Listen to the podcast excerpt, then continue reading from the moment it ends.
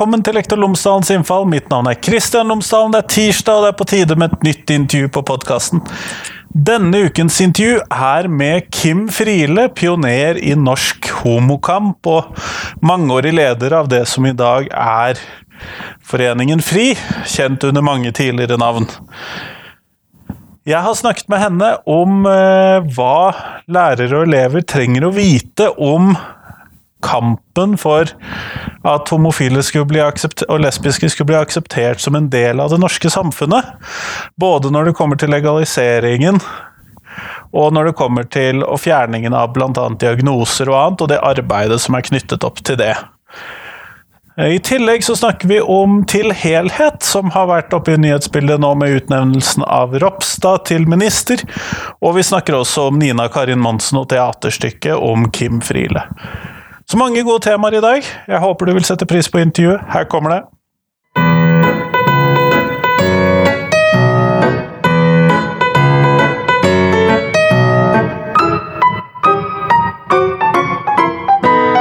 Kim Friele, tusen takk for at jeg har fått lov til å komme og besøke deg i dag. Og det er hyggelig på min side òg.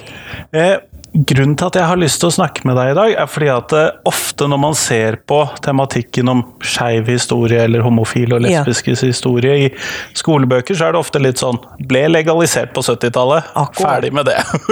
ja. Eh, men, og da lurer jeg litt på, hvis, når jeg da skal undervise om dette temaet for elevene mine, hvilke ting tenker du er veldig viktig å ha med fra denne kampen?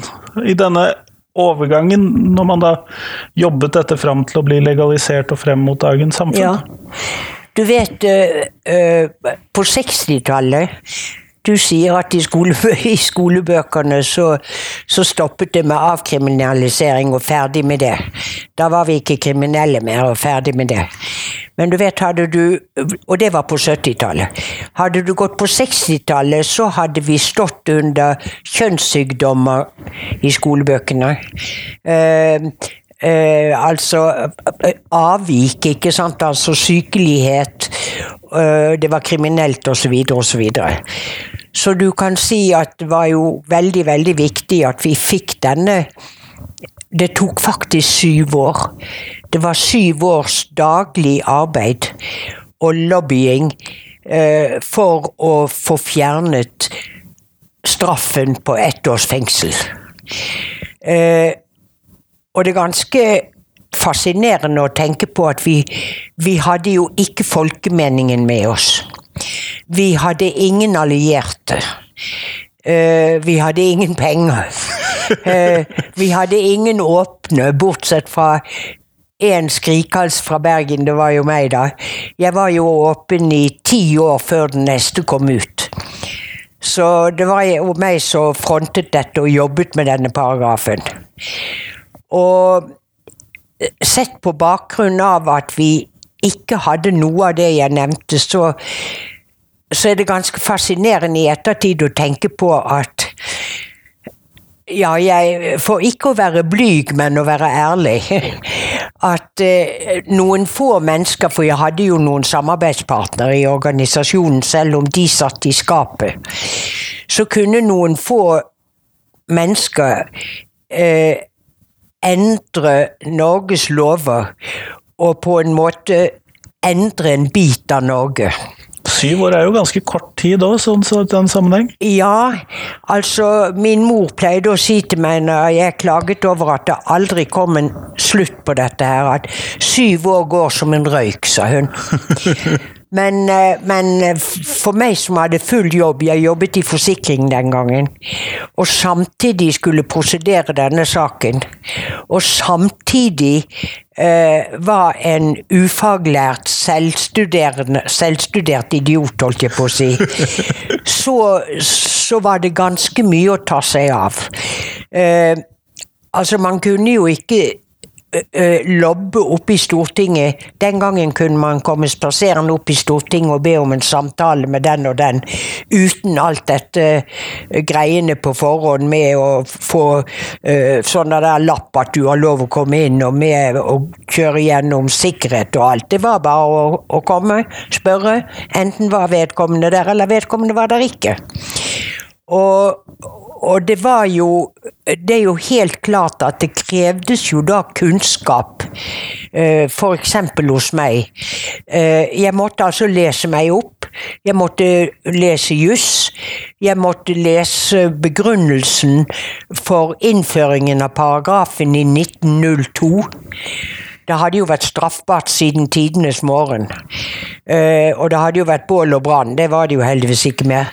Nei, det er jo litt hardere straff. Ja, det, det, det Jeg tok eh, akkurat at, uh, at det var noe behagelig. Men i 1902 fikk vi altså denne straffeparagrafen. Men det som var det nedverdigende med den paragrafen, var jo at i samme, i samme paragraf, som et ledd nummer to, så var det seksuell omgang med dyr. Og, og, og dette, ble, dette, var jo en arv. Dette at uh, seksual, all annen seksualitet enn uh, sex mellom kvinne og mann det var eh, Det var ikke bare som kirken sa at det var moralsk forkastelig, men det var en sykdom. Det var definert som en sykdom. Og Verdens helseorganisasjon hadde definert det i moderne tid som en mental sykdom. Ikke bare som et sånt uskyldig avvik, en dårlig en, en, en, Det var en dårlig vane du hadde, men som en mental sykdom. Så det var ganske alvorlig og ganske tungt å argumentere for at ok, hvis det nå er en sykdom, så kan man jo iallfall ikke straffe mennesker som er syke. Og det var i grunnen et argument som lå i bunn for å få bl.a. politikerne til å tenke nei, gid, vi kan da ikke sette i fengsel disse syke menneskene. Så uh, litt lurendreieri og litt sjarm og litt uh, den der type ting. Man bruker de argumentene man har til rådighet? Ja, man bruker de argumentene man har til rådighet. Og så, så så må man være åpen. Man må være trygg på seg selv. Man må være eh, Eh, ikke skolert, men man må iallfall vite hva man snakker om. Og, og, og, det beste av alt man da hadde å snakke om, det var jo bruke seg selv. Jeg mener, jeg brukte meg selv. Eh, nå er det ingen skam å være funksjonshemmet mentalt. Det er ingen skam å være syk. Men vi må jo allikevel holde tingene fra hverandre. Her var det en gammel arv om at all seksualitet som ikke førte til barn Dette stammer fra 1800-tallet, alt. All eh, seksualitet som ikke tjente reproduksjonen, det var eh, en forkastelig seksualitet. Eh, og det igjen betød at eh, i en gammel legebok for hjemmet eh, fra 1922 som vi hadde i mitt barndomshjem, der sto det at for eksempel at den kvinne som føler seksuell vellyst vis-à-vis en mann, eller føler seksuell tiltrekning til sitt eget kjønn, vil kunne få vil kunne få pletter i ansiktet, i huden i ansiktet, nedfallen livmor og trang til snus. Det er jo en ganske komisk greie, altså. Men du vet, du vet, den gangen kunne man komme med hva som helst. Du hadde altså at det var synd, og da kom man med Moseboken og Paulus' første brev til korinterne og alle det der greiene. Så var det at det var sykdom, og det som psykiaterne sa var sykt, det sa lovgiverne var farlig, og, og du fikk straff. Så det er vel verdt mye mer enn én en eller to eller tre setninger i skolebøkene om at det var straffbart, og så plutselig var det ikke lenger straffbart. Man skulle nesten tro når man leser de skolebøkene at Stortinget har kjedet seg en dag, og så har de funnet ut at de vil være snill med noen, og så har de sagt hvem skal vi være snill med i dag? Jo, vi tar de der homoene.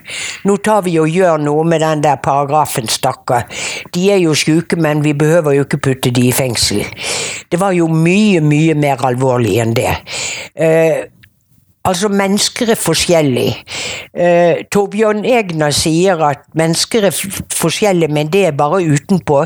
Inni er vi alle like.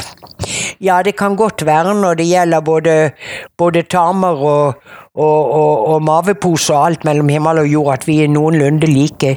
Men vi er ikke like i behov, i preferanser, i, i følelseslivet vårt, i måten vi har lyst til å leve på, i ambisjoner, i, i målsettinger vi har for livet vårt. Der er vi veldig, veldig forskjellige. Og det er ikke noe du ser utenpå. Slik at denne straffparagrafen, den, den, den, den den på en måte stadfestet at du var eh, et helt alminnelig menneske. Det var du jo selvfølgelig, men det var en skavank. Det var en lyte. Det var eh, noe samfunnet måtte verne seg mot. Det var det var kanskje noe hvis du, hvis du uh, behandlet de medisinsk, de kunne vende seg av med. Uh, ble du slått ned uh, da det var straffbart? Ble du slått ned fordi du forsøkte deg på noen eller et eller annet sånt, og istedenfor å, å si takk, du, jeg har bedre smak, så ble du slått ned, sant? og Istedenfor det så, så, så, gjorde man altså dette til en medisinsk sykdom. Og husk, psykiaterne hadde veldig stor makt den gangen. I dag er det annerledes. Men psykiaterne den gangen hadde monopol på hva som var friskt og hva som var sykt. Og, og, og samfunnets verdinormer den gangen, det var at alt som ikke endte i ekteskap. Det var til skade for samfunnet. Husk at helt til 1972 var det straffbart for gutt og pike å bo sammen uten å være gift. Det kunne føre til fengsel i ett år. Den paragrafen ble avskaffet i 1972, samtidig med det som populært kalles homoparagrafen. Ja, jeg bodde på, i, i, Bergen i veldig mange år i Nattland studentboliger. Og Akkurat. de startet som eh, ekteska, ekteparboliger. Ja, nettopp. For de ble bygget i 69. ja, nettopp. Nettopp. Men altså, det var uh, Du kunne få straff for å bo sammen med en jente da. Uh, helt frem til 1972. Slik at man burde jo gi noe av bakgrunnen da i skolen ikke bare uh, som en harelabb over å si at det var straffbart, men den gangen man, man, sa det var straffbart, var man ikke ved sine fulle fem. Uh, Stortinget i 72 hadde vett og forstand, så de bare tok og fjernet den paragrafen. Det lå en lang kamp bak, og det var en kamp mot psykiaterne, det var en kamp mot mange prester, det var en kamp mot mange politikere som var i tvil om dette kunne føre til at for det første eksploderte det av homofile, eh, og for det andre vil det være truende mot samfunnet. Det vil bli født færre barn. Det var altså noen argumentasjoner som jo overhodet ikke holdt vann. Og, og da, da, var det godt å ha en tale før bergensdame som svingte opp og sa det dere tøys og tull, og det dere er absurd og alt. Og jeg ga meg jo ikke heller. Men, men i skolebøkene bør man ha litt forhistorie. Og jeg tenker ikke da bare på forhistorien om det å være homofil eller lesbisk, men jeg tenker meg på forhistorien om eh, hvordan eh, det norske samfunnet har eh, behandlet seksualitet. Hvordan har vi sett på seksualiteten? Hvis du går til 1800-tallet, så var de store skandalenes tid så, så var altså all sex som ikke var forbundet med forplantning, det ble diagnostisert. Og, og, og den arven, den drog vi da med oss. Og selvfølgelig, når det var seksualitet mellom to av samme kjønn som overhodet ikke kunne føre til reproduksjon, så, så, ble det en smittsom, farlig sykdom.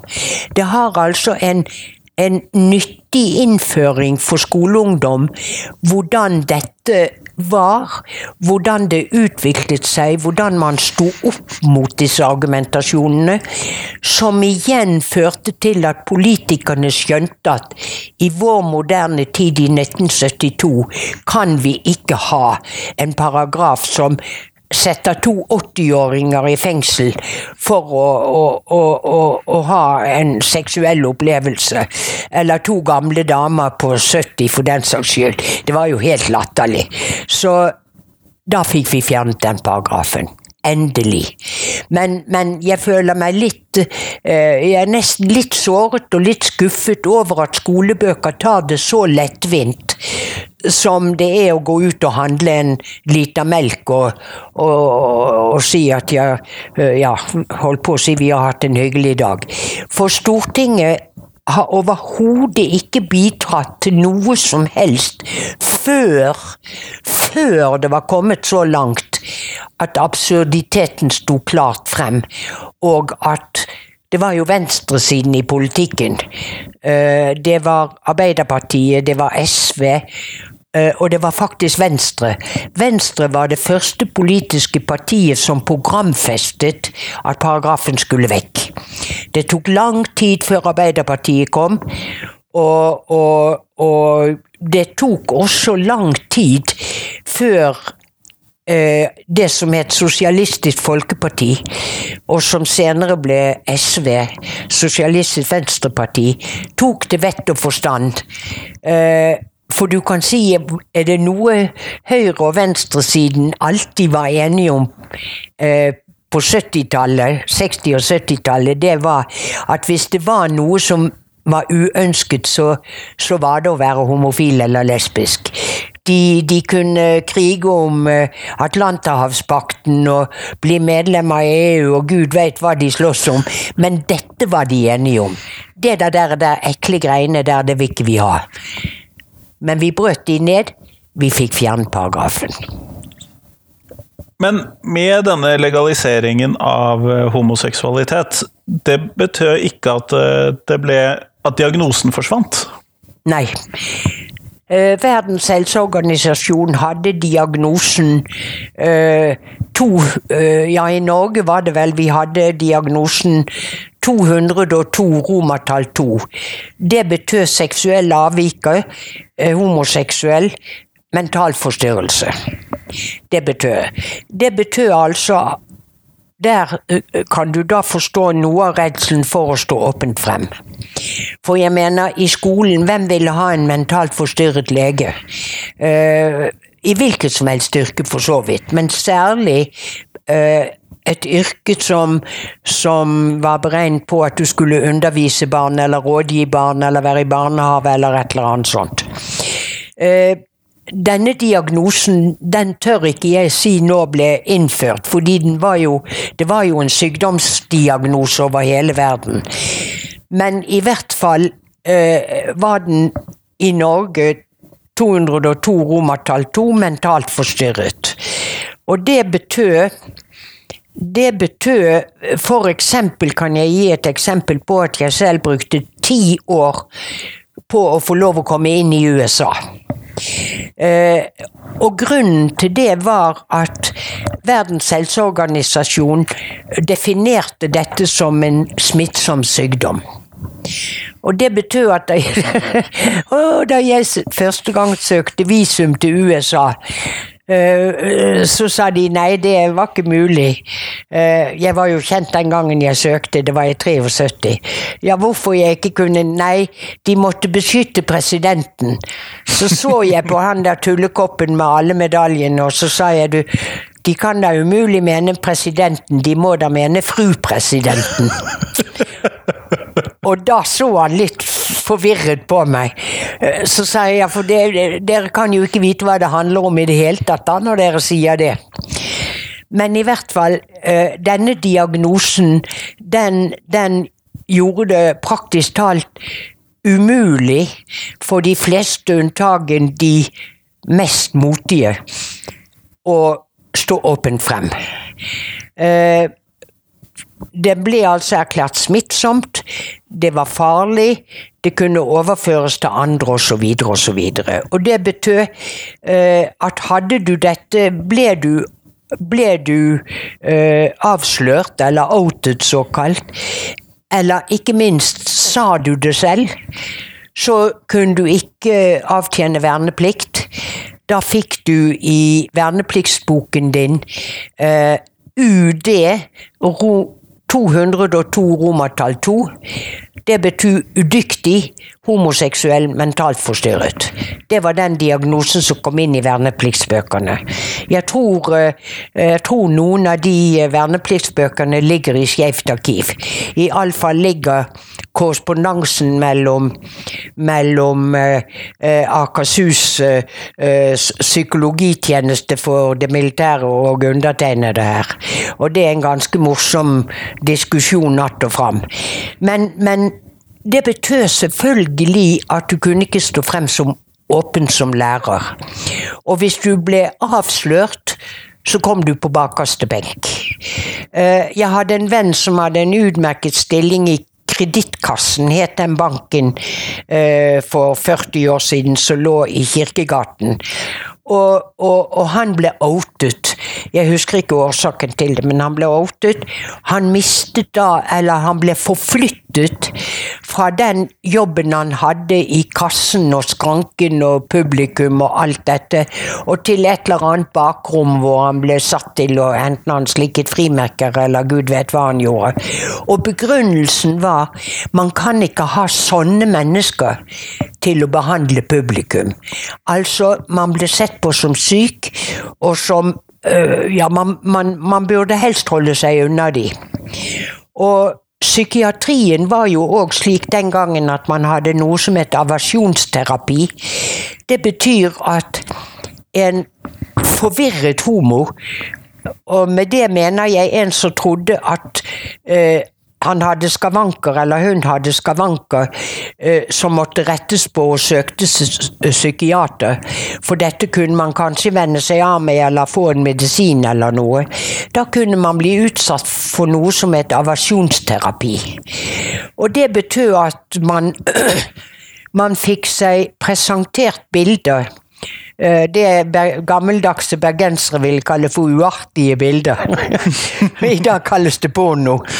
Og, og av situasjoner som gjaldt noen som hadde noe med eget kjønn å gjøre. Og så fikk man en sprøyte med kvalmefremkallende midler. Så så man på bilder, så kastet man opp. Så så man på bilder, så kastet man opp. Det skulle være avvenning av det å være homofil. Det hørtes relativt traumatisk ut. Ja. Og det er klart det at psykiaterne hadde en veldig makt. Og, og øh, jeg må si det tok vel syv år å nedkjempe psykiaterne òg. Uh, og da vil jeg gjerne fremheve Astrid Nøkleby Høiberg.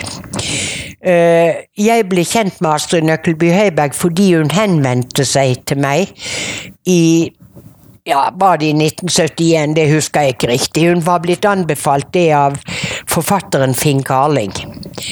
Og hun spurte om jeg kunne tenke meg å komme på Vinneren psykiatriske og delta i undervisningen av medisinstudentene. Og det sa jeg selvfølgelig ja til.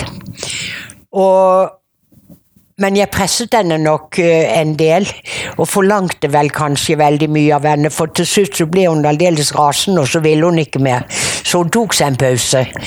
Men så kom hun. Eh, fordi Kirken ville ikke ha noe med oss å gjøre, og da ble Astrid Nøkkelby Høiberg veldig forferdet. Skrev sin første kronikk i Aftenposten og meldte seg ut av statskirken. Men iallfall, vi ble gode samarbeidspartnere. Og Astrid Nøkkelby Heiberg og øh, det var én psykiater til. Eh, de tok da spørsmålet opp i Psykiaterforeningen. Og det var tøft, altså. Og hun skrev i, i uh, medisinen uh, Sånn der blad, jeg husker ikke hva det het. Hun skrev i medisintidsskrifter så videre. Og, og, og, og jeg legger ikke skjul på at det var nok mange gode samtaler med meg og litt røsk i håret på henne som fikk henne til å forstå hva det dreide seg om, og at hun måtte la være å sluke disse gammeldagse amerikanske eh, psykiatriske eh, dokumentene. Eh, men i hvert fall det ble en delvis seier i Psykiaterforeningen for henne.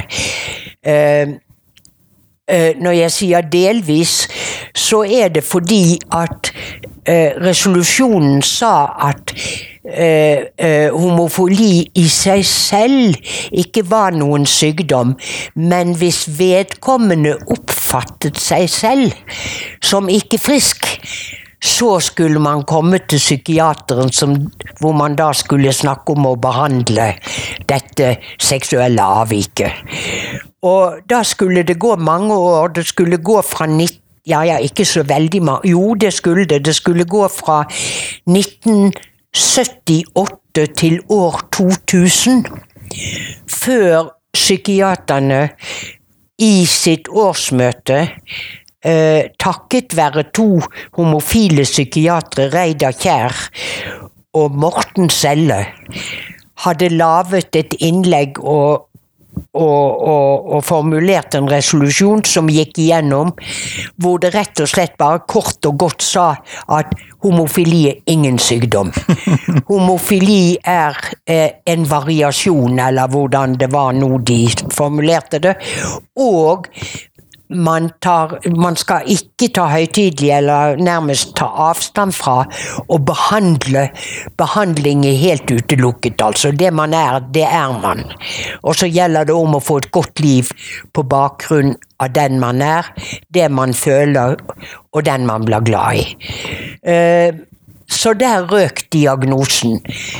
Men, men, men det var altså ikke før år 2000. Sånn at den ble værende ganske lenge? Den ble værende ganske lenge. Den ble værende ganske lenge. Det var akkurat som da, da Psykiaterforeningen i 1978 tok den der litt lumre avgjørelsen.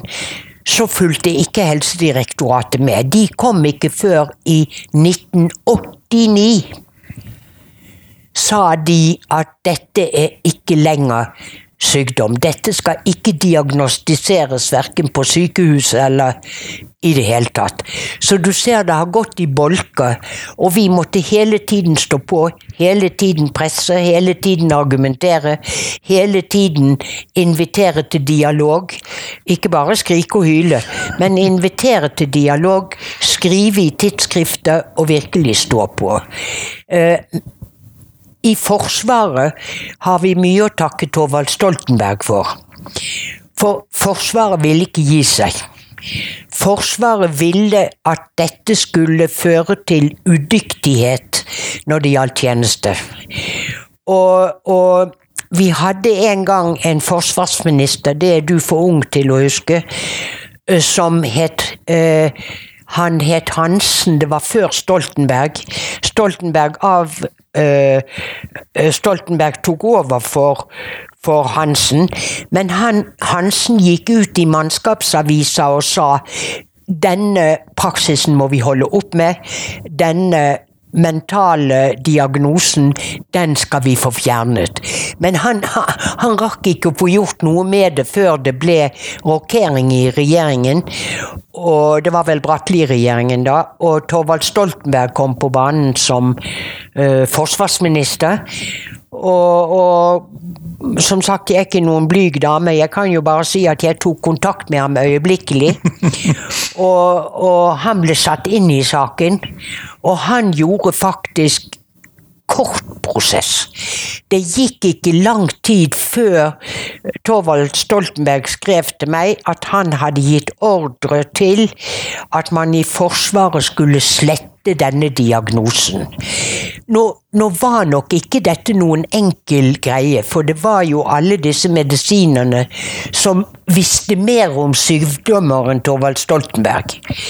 Men, men det var jo et kraftig signal.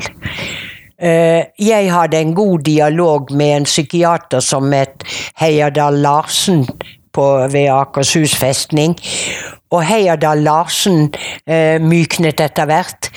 Og, og det gjaldt å, å å få de til å begripe at dette dreiet seg om helt alminnelige mennesker som gjorde noen andre valg enn andre, som igjen gjorde andre valg enn andre. Eh, og, og, det var på en måte dette alminneligheten man måtte kjøre på. Og, og, og dette at, at eh, eh, seksualitet. Vi hadde veldig god hjelp også av en hollandsk eh, regjeringskommisjon av eh, fagfolk som slo fast i et større dokument at så lettvint er ikke seksualiteten. Du kan ikke forføres til å bli heterofil. Du kan ikke forføres til å bli homofil. Du, du er den du er. Og, og, så, i løpet av et eller annet punkt i livet, så finner du den nøkkelen som passer til den riktige døren. Uh, og da kan du ha vært innom litt av korgeslaget, men du finner iallfall ut hvem du er. Og det er ikke noe negativt at en ungdom også har en homofil opplevelse. Det kan avkrefte hvem han innbiller seg han er, og det kan bekrefte det han har lurt på. Eh, og det betyr at, at, at seksualiteten er noe, noe, mye, mye mer enn det man, man liksom innbilte seg det var. Nemlig det var å få barn, og så, og så, hadde noen det litt gøy. Mens de fleste det var å få barn og ferdig med det, og så, ja.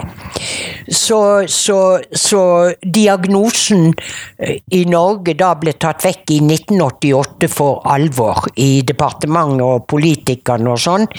Eh, Psykiaterforeningen i år 2000 så du kan tenke deg hvor lang tid det gikk før psykiaterne ga seg. Men vi tok knekken på de til slutt. Uh, og det var etter min mening tre veldige milepæler for alt som er kommet senere. For som jeg sier, et hus trenger grunnmur. Hva var det? Det var fjerning av kriminalitetsstempelet. Og så bygger du videre på det. Du fjerner sykdomsdiagnosen, og du bygger første etasje. Så kommer menneskerettighetene, nemlig like rettigheter og like plikter. Og, og, og, like muligheter. Og det var da 70-årenes aktivisme. Så kom så kom hele vårt lovverk i 80-årene. Da fikk vi antidiskrimineringsloven. Det betyr den eksisterte, den antirasismeloven. Men da Idet vi kunne gjennom vitner og dokumenter og rettssaker, protokoller, bevise at vi var utsatt for omtrent det samme som, som bl.a. innvandrere asylsøkere og, og, de som var mørke i huden osv. Og, og, og jøder og tro og etnisk opprinnelse og alt dette her. Så etter en, en, en strevsom kamp, så ble vi også inkludert i den paragrafen. Da begynte disse menneskerettighetsgreiene å komme på plass. Uh, så fikk vi jo da eh, det som unge homofile og lesbiske i dag tror liksom er den største seieren og det største nydelige. Det er at man kan gå både i kirken og gifte seg, og, og til byfogden hvis man uh, er humanetiker, eksempel, så går man i Human-Etisk Forbund, eller man går til byfogden. Uh, men jeg sier jo det at dette har en 50-årig historie før man har kan ta på seg slør og myrra og alt hva det nå måtte være, og sprade av sted eh, i kirken. Kirken har jo Jeg har jo fulgt kirkens historie i ja, 55 år blir det faktisk i år. Eh, og den er jo selvfølgelig ikke til å kjenne igjen. Men det er heller ingen selvfølge. Det er heller ingen selvfølge. Men du kan jo ikke straffe folk fordi at de er født for seint. Altså, jeg er født i 1935. Jeg kan jo ikke klandre folk som er født i 1995, men jeg kan fortelle dem hvordan det var i 1965, så de kan få en slags forståelse av ting som henger sammen, og, og, og, og hvorfor så vi slik på det, i dag ser vi slik på det, hva kan det komme av? Prøve å finne svar. Det er jo kjempeinteressant òg. Det er det. Ja. Men, og, øh, for jeg la merke til noe du sa i stad, dette med at uh, man kunne ikke stå fram som homofil som lege eller som lærer eller Nei. som den type yrker. Da vil jeg bare legge til en ting, og det er at uh, jeg driver og jobber med en masteroppgave nå om forkynnelse i skolen og fritak fra det i skolen. Ja. Og en av sakene som man ville ha fritak fra, var å lære om homofile fra en homofil lærer. Var det noen som krevde fritak fra etter 2008? Ja, det syns jo jeg. Jeg synes det, jeg må smile. Jeg har veldig humoristisk sans. Og, og, og, og til og med når det går utover når det går utover meg sjøl som lesbisk. Men det må da være bedre at en farvet forteller hvordan det er å være farvet i et samfunn av hvite. Og det må da være bedre at en kvinne forteller hvordan hun har det, enn at en mann forteller hvordan kvinnen har det. Det er jo aldeles latterlig. Altså, den hvite skal fortelle hvordan den farvede opplever å være farvet i et hvitt samfunn, og, og, og du skal fortelle hvordan jeg opplever det å være kvinne. Og, og, eh, det må jo være den som har skoen på. Og, og jeg syns det er helt forkastelig. Jeg syns nesten det skulle være et krav, jeg. Akkurat som hvis du skal høre om meslinger og ørebetennelse og kikhost og barnesykdommer og sånt noe, så ville du da ikke sende bud etter eh, den kvinnelige lederen av menighetsrådet for å fortelle deg om disse tingene. Du ville få tak i en legestudent eller en, en, en lege. Eh, Så det der er jo helt, det er jo helt absurd at jeg skal fortelle om deg. Jeg må fortelle fra mitt ståsted, mine følelser, mitt, mitt livsgrunnlag, mitt verdigrunnlag. Og så får den andre eh, eventuelt stille spørsmål eller protestere og sånn. Men jeg vil aldeles ikke la meg representere av en person som ikke aner hva det vil si å leve i mitt liv, med mine behov, med mine forelskelser, med mitt lange eh, samlivsforhold. Det skal jeg ha meg frabedt. Det skal jeg klare å gjøre sjøl. Eh, Jeg skal bare opplyse om at både skolen, kommunen og fylkesmannen sa nei til denne, dette kravet fra denne foreldregruppen. Sånn at det, det, Ja. det gikk ut på riktig side av Det var flott. Det var utmerket. Eh, Men en annen ting som er i skolen, er jo det at vi ser at eh, ord som f.eks. homo er blant de mest brukte skjellsordene i skolegården. Sammen med en del andre ord, men homo er definitivt på listen. Ja. Eh, har du noen tanker om hvordan man eh, kan jobbe som skole mot det? Eller hvordan Ja, vi der vil jo jeg også sende bud etter en, en homofil eller lesbisk. Du vet, på 60- og 70-tallet så var det store populære skjellsordet, det var sope. Det var sope, og når det gjaldt meg, så var det å være flat. Der kommer en sånn der jævla flat en. Eh, og, og så var det sope.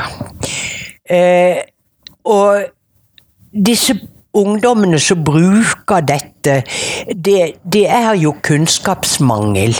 De, de, de, de, bruker det fordi det er om, om, om noen som er annerledes. Og, og det er jo ufestlig å rope ordet annerledes. ja, Det er litt kjedelig. Det er litt kjedelig. Og, og da Vi har jo selv i brosjyrer som hovedtekst hatt homo. Eh, homo og så videre Jeg vet ikke hvor mye vi skal hisse oss opp over det, men jeg syns iallfall vi skal ta det opp i klassen og spørre hvorfor er du så opptatt av å bruke det uttrykket? Du skjønner det, jeg har erfaring med ungdommer som har sagt til meg at når de har brukt det, så er det fordi de har vært fortvilet fordi de har vært nokså overbevist om at de selv hadde den tiltrekningen. Og, og for å overbevise kamerater sterkere og sterkere jo mer og mer har de skreket homo. Så der kan det også ligge noe. Men, men noe skal man finne på. Da jeg gikk da jeg gikk på skolen på 40-tallet og 50-tallet, så hadde vi et forferdelig stygt uttrykk om, om uh, personer som, som, haltet, altså. Som drog på en fot eller haltet eller hva. Og det var haltepinken. Eh, det var også et sånt eh, forferdelig uttrykk. Ikke sant? Vi sa din, din jævla haltepink. Eh, vi har vært stygge bestandig. Det er ikke bare denne generasjonen eller forrige generasjon. Det er min generasjon òg. Vi, vi, fant alltid noen vi kunne hakke på. Og, og, og for virkelig å vise at vi hakket på dem, så fant vi noe stygt å si om dem. Ikke sant? Og det var da eh, eh, haltepinken eller blindauget eller eh, din jævla pukkelrygg eller vi, Jeg vet ikke hva det kommer Oppfinnsomheten er stor. Oppfinnsomheten er stor. Eh, men det beste måten å gjøre det på, er å ta det opp i klassen og si eh, hva, hva, Jeg vet at du har ropt ordet homo. Hva, hva, legger du i det? Hvorfor bruker du akkurat det uttrykket? Hvorfor sier ikke du surpadde eller gnialus eller et eller annet sånt? Hvorfor, hvorfor kommer du på akkurat det uttrykket? Da skal du se forvirringen brer seg. Da skal du se forvirringen brer seg. Men den, det aller, aller, aller beste dialog jeg eh, har hatt eh, eh, konfirmanter både i Human-Etisk Forbund, hadde jeg de første ti årene her oppe, og de siste syv årene har jeg hatt kirkekonfirmanter. Det betyr jeg har i hvert fall hatt ja, jeg har hatt nesten de 23 årene jeg har bodd på Geilo. Og jeg har tatt opp dette med konfirmantene. Og, og vi har hatt gode samtaler. Veldig gode samtaler. Og jeg har vært veldig villig til å beskrive mitt eget følelsesliv, fortelle om livet mitt, øh, øh, fortelle om jeg blir såret når jeg hører sånt, eller om jeg sier 'jeg hørte du sa det, la oss ta en liten samtale om det'. Du brukte det som skjellsord. Er du klar over at, at jeg er homo? Uh, og da blir det ofte en litt vond begynnelse, men det blir en god samtale av det. Eh, eh, altså, barn og ungdom de er ubetenksomme. Vi må ikke bare lage hysteri av dette her. De er ubetenksomme, de Hva sier vi i Bergen? De slenger med kjeften. Og, og, og, og vi skal også være litt overbærende og, og, og, ikke lage dette hysteriet som jeg av og til syns gjøres, at man skal fly til politi med alt mellom himmel og jord. Politiet har annet å ta seg av. Men dialog, kommunikasjon, overbærenhet, tålmodighet, villig til å forklare, villig til å, å utlevere seg selv, på godt og vondt. Uh, og jeg uh, Jeg har en, en, en, en sånn uh, greie fra konfirmanten i kirken der nede som er aldeles rørende. Hvor de fikk et sånt spørreskjema de skulle svare på hvordan de syntes undervisningen hadde vært. Og jeg ble jo helt målløs da jeg leste den. Men nettopp dette med åpenhet og ikke skjule noe, bruk, ikke bruke latinske uttrykk, men sette navn på det i ungdommens språk. Og i ungdommens språk heter det pikk. Jeg mener, det er ikke til å komme forbi. ikke sant? Så jeg kunne ikke tenke meg å bruke noe annet enn det. Og, og, og jeg eh, Jeg hadde aldri vanskeligheter, eller har ikke vanskeligheter med å ta opp nettopp dette skjellsordet. Og så brukes det jo skjellsord med Det er jødefanen, det er eh, homo, det er eh, ja, alt man finner på å kalle hverandre. Eh, det er synd at det er sånn. Det, det, det, det er leit at man, man, for å hevde seg, eller gjøre seg bemerket, er nødt til å ty til den slags språk.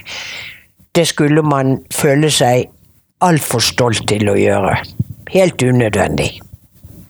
Det er jeg helt enig med deg i. Eh, du snakket i stad om at man hadde aversjonsterapi mot de homofile eh, ganske lenge, egentlig. Ja. Men eh, nå har vi jo sett i dag, nå har vi jo fått en eh, Dette nettverket til helhet har jo kommet opp som en del av norsk politikk. De som driver med omvendelsesterapi, eller hva vi nå skal kalle det, av homofile. Det tyder jo på at dette fremdeles lever ganske godt i samfunnet. Det gjør det jo. De er kjempeutholdende. Eh, Vi har jo hatt med de å gjøre. Vi startet i sin tid eh, Ja, hva var det vi kalte det for? Eh, ikke ut av Exit. De dannet nemlig en organisasjon, disse kristne frikirkene, for mange herrens år siden. Eh, 20 år siden, tror jeg. Og så dannet vi en motorganisasjon hvor vi også tok opp i oss de som var halvt ødelagt og hadde meldt seg ut og rømt fra det der greiene der. Så senere så kaller seg, de seg Til helhet. Og de driver, så vidt jeg vet, med såkalt demonutdrivelse. Og så er det bønn og besvergelse. Og, og og, og det, det gjør de Jeg vet ikke om de gjør det av økonomiske grunner eller av overbevisningsgrunner eller hva, men det det gjelder om, det er jo da å forsøke å, å, å, å bli en stemme som er høyere enn stemmene til for til helhet, slik at disse menneskene kan komme seg unna. For de får ødelagt livene sine ved å underkaste seg Uh, uh, Jan Åge Torp, eller hva han heter, i Frikirken. Det er jo så mange rare av disse menneskene her. Og han der, med mor og barn. Benestad heter han, eller et eller annet. Ja, det er. Benestad. Ja, de driver jo med, altså. De gir jo aldri opp. Og jeg forstår ikke at ikke de skjønner at dette er et tog som er gått for lenge siden. Dette er en krig som er tapt. Ikke bare et slag, og så skal de vinne krigen. De har tapt krigen for lenge siden og burde bruke kreftene sine på andre ting. Ja, til beste for oss alle istedenfor det der tøvet der.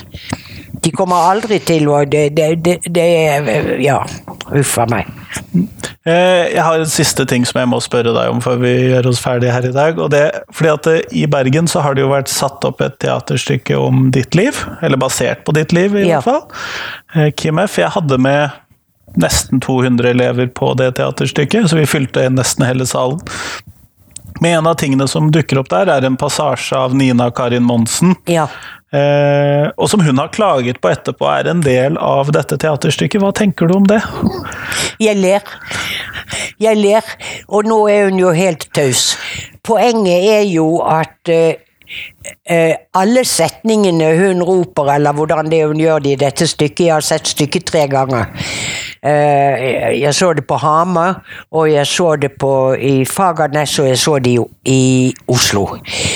Og, og absolutt alle setningene er tatt ut av en bok hun skrev i 2009.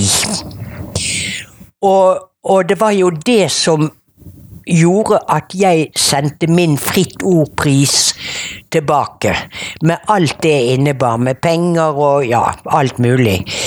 Eh, og da denne religionsprofessoren, eh, Dag Ensjø heter han vel, kom ut i Aftenposten med sitt glimrende innlegg, hvor han også siterer fra boken, og ender opp med å si at dette er ikke Monsen mot teateret, eller, eller Friele for den saks skyld. Dette er Monsen mot Monsen. Det sier alt. Det sier alt. Det er ikke tatt ut av fri fantasi. Det er Nina Karin Monsen på det verste. Kjempeflott. Tusen takk for at jeg har fått lov til å prate med deg i dag.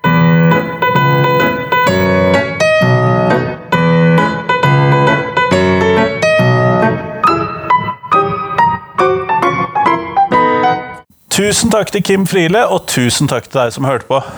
Nå er det en uke til neste intervju på podkasten, og det ser jeg fram til. Da skal vi fortsette eh, historien om eh, leksefrie skoler, eller leksebevisste skoler. Vi skal møte en rektor som har innført dette, så det blir interessant å høre på. Men det er altså neste uke.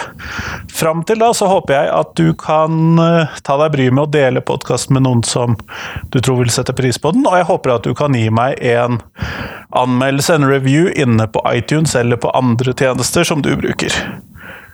Men fram til neste gang, ha en fin uke. Hei, hei!